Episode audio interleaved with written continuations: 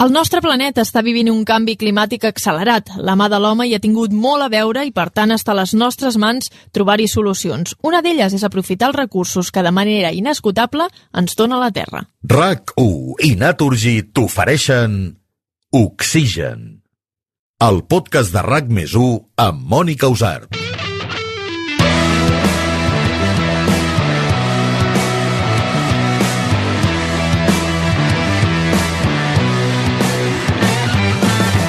Avui a Oxigen parlem de les energies renovables que van guanyant terreny, però encara queda molta feina per fer. Ens ajuden a tenir un present i un futur molt millors. Mentre nosaltres anem alterant el planeta, elles ens donen una solució per intentar fer les coses cada cop millor. En aquest episodi repassarem quines són aquestes energies, quins són els països capdavanters en energies netes, què fan les empreses o les llars per encaminar-se cap a solucions cada cop més verdes i us recomanarem un viatge ben curiós. Comencem.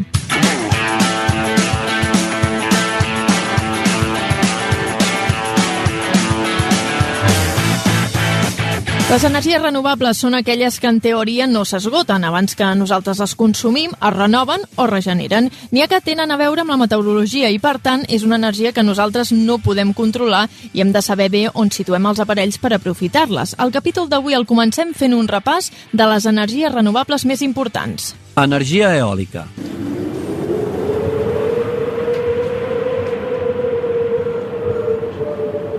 És l'energia que obtenim del vent. La manera més antiga d'utilitzar-la era, per exemple, per moure vaixells i actualment tenim els aerogeneradors, que són els molins de vent que tenen la capacitat de convertir el seu moviment en electricitat. La generació d'aquest tipus d'energia no és constant, només la podem obtenir quan bufa el vent i amb una certa intensitat. Amb vents de 10-15 km per hora, la majoria de turbines ja generen l'electricitat i s'aturen quan el vent bufa a més de 90 km per hora per evitar danys. És molt important situar els aerogeneradors en llocs adequats per captar aquesta força del vent i disminuir l'impacte ambiental i aprofitar les instal·lacions. S'agrupen en el que es coneix com a parcs eòlics. Energia solar. L'obtenim del Sol. La radiació solar arriba a la Terra en forma d'ones electromagnètiques i es pot aprofitar com a energia tèrmica o elèctrica. Les plaques solars són les encarregades de fer aquesta tasca. Les condicions atmosfèriques o, per exemple, la latitud són alguns dels factors claus per decidir on es posa una gran instal·lació d'energia solar. Energia hidràulica. En aquest cas obtenim l'energia a través de corrents d'aigua dolça. El moviment de l'aigua és el que fa moure les pales d'un molí o d'una turbina i es pot aprofitar directament o bé convertir-la en energia elèctrica. I l'aigua salada de mars i oceans també ens pot aportar energia. En aquest cas és la mariomotriu, que aprofita els corrents d'aigua de les marees, el moviment de pujada i baixada i la força dels corrents marins interns. Energia geotèrmica. És la que ens proporciona la Terra. S'obté de la calor emmagatzemada dins del nostre planeta. S'aprofita la diferència de la temperatura entre la superfície, el terra que nosaltres trepitgem, i l'interior, i això permet generar energia mecànica o elèctrica. Aquestes són les fonts més conegudes que permeten la generació directa de l'electricitat, però hem d'anar més enllà. La recerca no para i si donem un cop d'ull cap al futur podem veure en què s'està treballant i on es pretén arribar. El Jordi Arbiol, professor i crea de l'ICN2 de l'Institut Català de Nanociència i Nanotecnologia, ens parla d'altres fonts d'energia renovables. La primera, la termoelèctrica. La termoelèctrica es basa en la propietat de que certs compostos poden generar electricitat quan estan sotmesos a una diferència de temperatura. Imaginem, per exemple, el motor d'un cotxe o l'interior d'un forn en una fàbrica. Podríem connectar una peça d'un material termoelèctric a un d'aquests punts calents i a l'altre extrem el podríem deixar a l'aire. La diferència de temperatura entre un extrem i l'altre generaria una corrent elèctrica que ens podria ajudar a carregar la bateria del cotxe reaprofitant la calor generada al motor. En un cas extrem, on s'utilitza l'efecte termoelèctric, és en els equipaments que porten els astronautes. Una part del compost termoelèctric està en contacte amb l'exterior. Pensem que a l'espai les temperatures poden baixar fàcilment per sota dels 200 graus centígrads i l'altra part està en contacte amb l'interior, on l'escalfor corporal i l'aïllament del vestit de protecció mantenen la temperatura als voltants dels 25 graus. La segona és la piezoelèctrica. Es basa en la propietat d'alguns materials de generar corrents elèctriques quan se'ls doblega. Hi ha dissenys de teclats de portàtil o tauletes on s'han posat materials piezoelèctrics que es dobleguen quan pressionem les tecles. Aquesta seria també una manera de guanyar una mica d'energia o fins i tot es podria pensar en posar material piezoelèctric sota de les carreteres o autopistes per aprofitar la pressió que generarien els propis vehicles en passar per sobre. I a banda d'aquestes energies, cada cop està agafant més força la producció d'hidrogen com a font d'energia neta. Per què? El Jordi ens ho explica. L'avantatge d'utilitzar hidrogen radica en que en cremar-lo, per extreure'n l'energia, el residu que es produeix és simplement aigua i no pas CO2 o d'altres derivats més tòxics, com en el cas de cremar hidrocarburs derivats del petroli. Per això podem dir que l'hidrogen és una font d'energia neta. D'altra banda, ens podem preguntar d'on podem treure l'hidrogen, ja que a priori aquest gas costa de trobar en la natura. De fet, costa de trobar perquè la major part de l'hidrogen que hi ha a la Terra es troba a l'aigua, als llacs, als rius, als mars, als oceans. Per tant, des del punt de vista de la recerca més puntera, estem treballant en buscar la millor manera de separar la molècula d'aigua per extreure'n l'hidrogen. I tota aquesta energia s'ha d'emmagatzemar d'alguna manera. Penseu que hi ha moments en què no bufa el vent, o no fa sol, és de nit o hi ha núvols i per tant no genera energia i necessitem agafar la que s'ha acumulat en altres moments. Com es guarda? Escolteu. Una manera de fer-ho seria amb grans bateries o acumuladors. Això pot anar bé, per exemple, per alguns vehicles, però difícilment en podem aconseguir per acumular prou energia per abastir una ciutat sencera o la xarxa industrial. Una solució a aquest problema podria ser l'hidrogen. El problema, però, és que l'hidrogen és una molècula tan petita que es pot escapar de qualsevol recipient on la tinguem guardada. S'estan estudiant maneres de poder emmagatzemar l'hidrogen, per exemple, mitjançant enllaços químics. De fet, les plantes i els vegetals han desenvolupat durant milions d'anys un dels processos més interessants de l'univers, la fotosíntesi. Imitant les plantes, podríem, per una banda, produir hidrogen a partir de l'aigua i separar el carboni del CO2, ajudant a descontaminar l'atmosfera.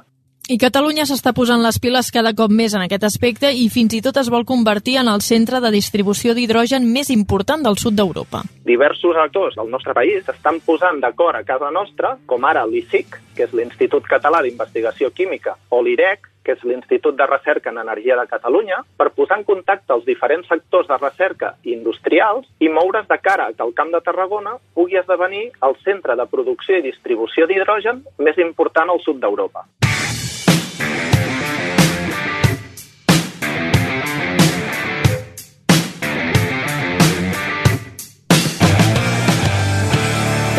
Compte el gran ventall d'energies renovables que tenim, moltes empreses de casa nostra s'estan posant les piles i cada vegada agafen més compromís amb el medi ambient i Naturgy n'és una. Creuen que les energies renovables seran claus davant de la transició energètica. La Núria Rodríguez, directora de Medi Ambient i Responsabilitat Social, ens explica què han aconseguit fins ara. La nostra aposta per les energies renovables va començar sobretot amb el pla estratègic que tenim actualment vigent, que vam arrencar el 2018, amb el qual hem incrementat un 30% la potència renovable renovable instal·lada que teníem des de llavors. Evidentment, amb el pla que estem preveient pels propers 5 anys, aquest creixement serà exponencial i, evidentment, el que volem és estar alineats amb la quota de generació renovable que preveu el Pla Nacional d'Energia i Clima del govern d'arribar a un 74% de generació renovable al, al 2030. Jo crec que els resultats són molt positius i això ens permetrà complir entre tots aquest objectiu del 74% al, al 2030 i, no, i, i finalment el 2050 doncs, que tota la generació sigui renovable. Tot això ha portat l'empresa a tancar fins i tot les seves centrals de carbó. Nosaltres vam ser dels primers en, en tancar les centrals de carbó. De fet, en el 2020, la primera meitat, doncs ja la que ens quedava ja l'hem tancat definitivament. I l'energia hidràulica seria la primera eh, energia renovable que, que tenim dintre del nostre pla. I, evidentment, eh, les noves energies amb les que estem invertint és l'eòlica i, en segon terme, la solar. Això no vol dir que, evidentment, amb l'hidrogen verd i amb el gas renovable, doncs també apostem clarament per aquestes dues energies en, en aquest propers anys. Ara ja han arribat fins aquí, però tenen plans de futur que van més enllà. Una de les apostes que serà molt important i que fins ara passaven en segon terme és l'aposta pel desenvolupament de l'hidrogen verd i el gas renovable en general, amb la generació de biometà a partir de residus, el que ens permetrà és eh, substituir paulatinament el gas natural convencional per a aquestes energies que, a més a més, tenen una versatilitat i es complementen perfectament amb les energies renovables eh, més tradicionals com, com sigui l'eòlica o, o la solar. I tot aquest compromís es premia i és un clar exemple perquè altres empreses pugin al carro de les renovables sense cap tipus de por. La Unió Europea, en, en les candidatures que promou per premiar aquelles empreses que millor combinen la gestió empresarial amb la gestió ambiental, de manera que hi hagi un equilibri adequat i, evidentment, puguem créixer d'una manera sostenible, doncs la Unió Europea ens va reconèixer aquests esforços i tant amb la secció nacional a nivell d'Espanya com la secció europea vam guanyar el primer premi amb, amb aquesta gestió combinada de, de protegir el medi ambient amb el creixement econòmic. Oxigen, amb Mònica Usart.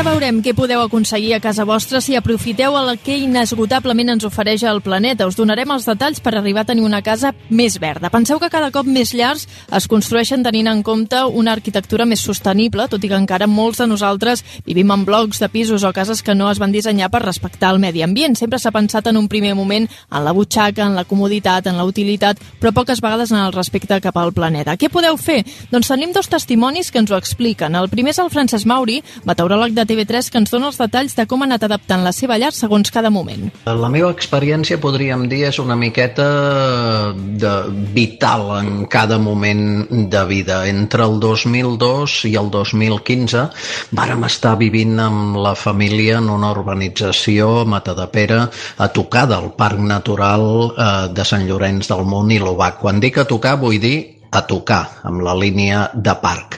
Uh, quan vàrem arribar, el primer que vàrem fer és esponjar uh, el terreny per reduir la càrrega de, de vegetació en cas de foc i la línia que hi ha de perimetral de protecció, la franja de protecció, mm, no estava del tot bé. Hi havia grans arbres a una distància, podríem dir, delicada i uh, vàrem fer instància per reduir-ho alguns veïns s'estranyaven que traiéssim arbres, ho veien com un crim. Vàrem també instal·lar un dipòsit per recollir l'aigua de pluja i unes plaques solars per escalfar l'aigua i ajudar la calefacció amb una caldera que primer va ser de gasoil, eh, contaminació pura, però que de seguida vàrem commutar a pellet. Però ens vàrem cansar del model d'urbanització, anar amunt i avall amb cotxe, sempre cotxe, gastant molt amb el cotxe i sobretot mm, perdem molt temps per tot. I eh, des del 2015 estem al centre de Terrassa en un bloc de pisos i hem perdut natura, però hi hem guanyat molt, molt de temps i ús eh, del vehicle particular.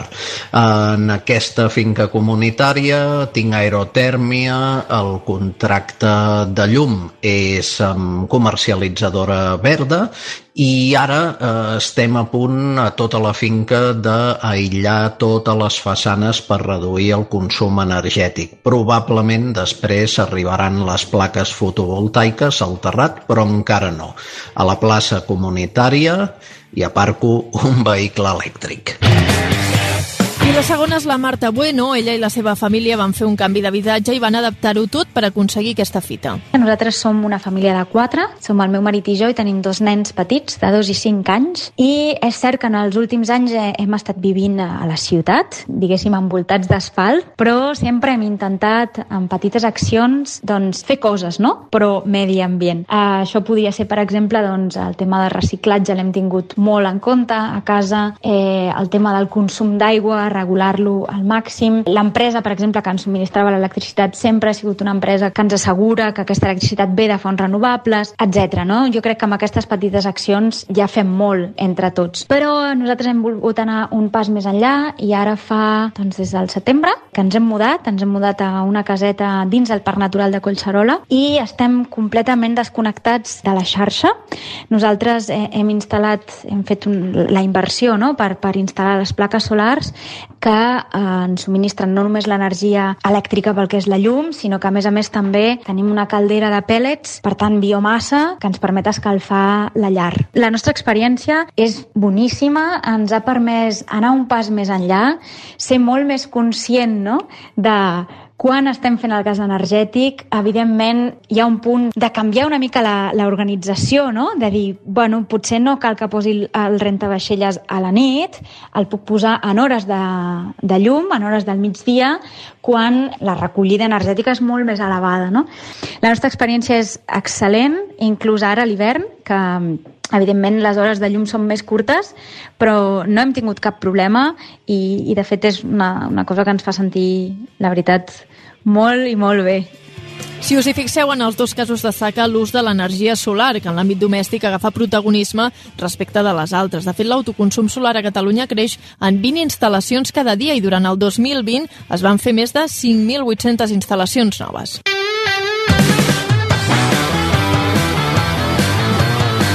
I avui us recomanem un viatge curiós lligat precisament a les energies renovables. A Alemanya estan promovent un tipus de viatge que veu com atraccions turístiques llocs plens de molins de vent o de plaques solars. Animen a la gent a anar-hi, en part per trencar amb la idea que totes aquestes instal·lacions perjudiquen el paisatge. Us recomanarem només un lloc, però si en voleu saber d'altres podeu consultar una guia. Alemanya experimenta les energies renovables. Hi ha unes 200 destinacions i un gran nombre de mapes. Allò que hem triat nosaltres és el comtat de Winsedel, a la serralada de Fittel-Giberga, al llarg de la frontera txeca. Hi trobareu muntanyes ondulades i boscos majestuosos, un lloc que sempre ha estat turísticament molt atractiu.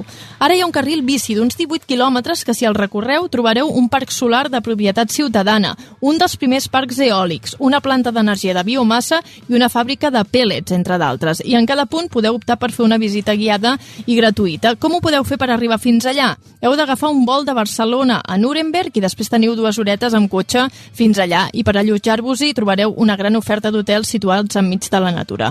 I per continuar viatjant amb les renovables, farem un repàs dels països capdavanters. Segons el rànquing fet el 2020 per IRENA, l'Agència Internacional d'Energies Renovables, en el número 10 hi trobem a Espanya, les renovables en aquest país han arribat a un 43,6% de la generació d'energia elèctrica, la quota més alta des que hi ha registres. Si anem cap al número 9, hi tenim Rússia. L'energia renovable en aquest país es basa sobretot en energia hidroelèctrica. Del total de les renovables, un 16% s'obté de les hidroelèctriques i un 1% de la resta. Si anem cap a la vuitena posició, hi trobem Itàlia. Les renovables en aquest país s'han desenvolupat ràpidament durant l'última dècada. L'energia solar és la que està al capdavant. Fixeu-vos amb allò que comentàvem abans de que depenia molt de la latitud, per exemple, el tema de l'energia solar, doncs Itàlia, situat al sud d'Europa, doncs és un país que rep moltes hores de sol i per tant és fàcil que l'energia solar es desenvolupi. En el número 7 hi ha el Japó.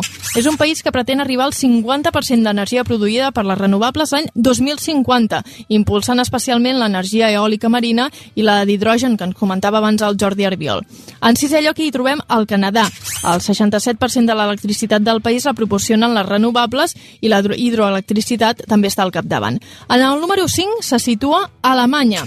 Just es basa en energia eòlica, solar i biomassa. Se l'ha anomenat la primera gran economia d'energia renovable del món i per aquesta raó, en part, us hem enviat cap allà amb el viatge renovable. En la quarta posició hi ha l'Índia. A finals del 2020, un 38% de la capacitat de generació d'electricitat instal·lada al país provenia precisament de fonts renovables. El govern té com a objectiu ampliar sobretot les instal·lacions de placa solar fins i tot a les taulades de les cases. I ara anem amb les tres últimes posicions. La medalla de bronze se l'emporta el Brasil. L'any 2018 l'energia renovable va estar al darrere del 79% de l'electricitat utilitzada al país. L'energia hidroelèctrica és la que predomina i estan impulsant l'eòlica i la biomassa. El 2015, per exemple, una forta sequera va portar problemes energètics greus, que aquest és el punt que dèiem abans, que no dominem gaire perquè aquesta meteorologia que mana moltes vegades sobre les energies renovables, doncs no la podem controlar. I al capdavant de tot hi trobem els Estats Units i la Xina. En el primer cas, Barack Obama va suposar un punt d'inflexió en la generació de les renovables i va situar les hidroelèctriques també al capdamunt. I la Xina és el país líder mundial. Actualment és el que té més capacitat d'energia solar, eòlica i hidroelèctrica del món, però hi ha tanta població que això no només cobreix un 26% de la generació total d'energia.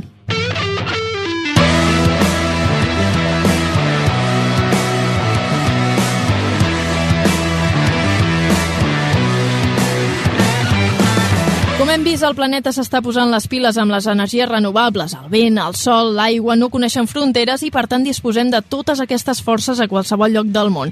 Tots els països tenen fonts inesgotables d'energia, però al darrere també hi ha els compromisos que cadascú vulgui o pugui tenir.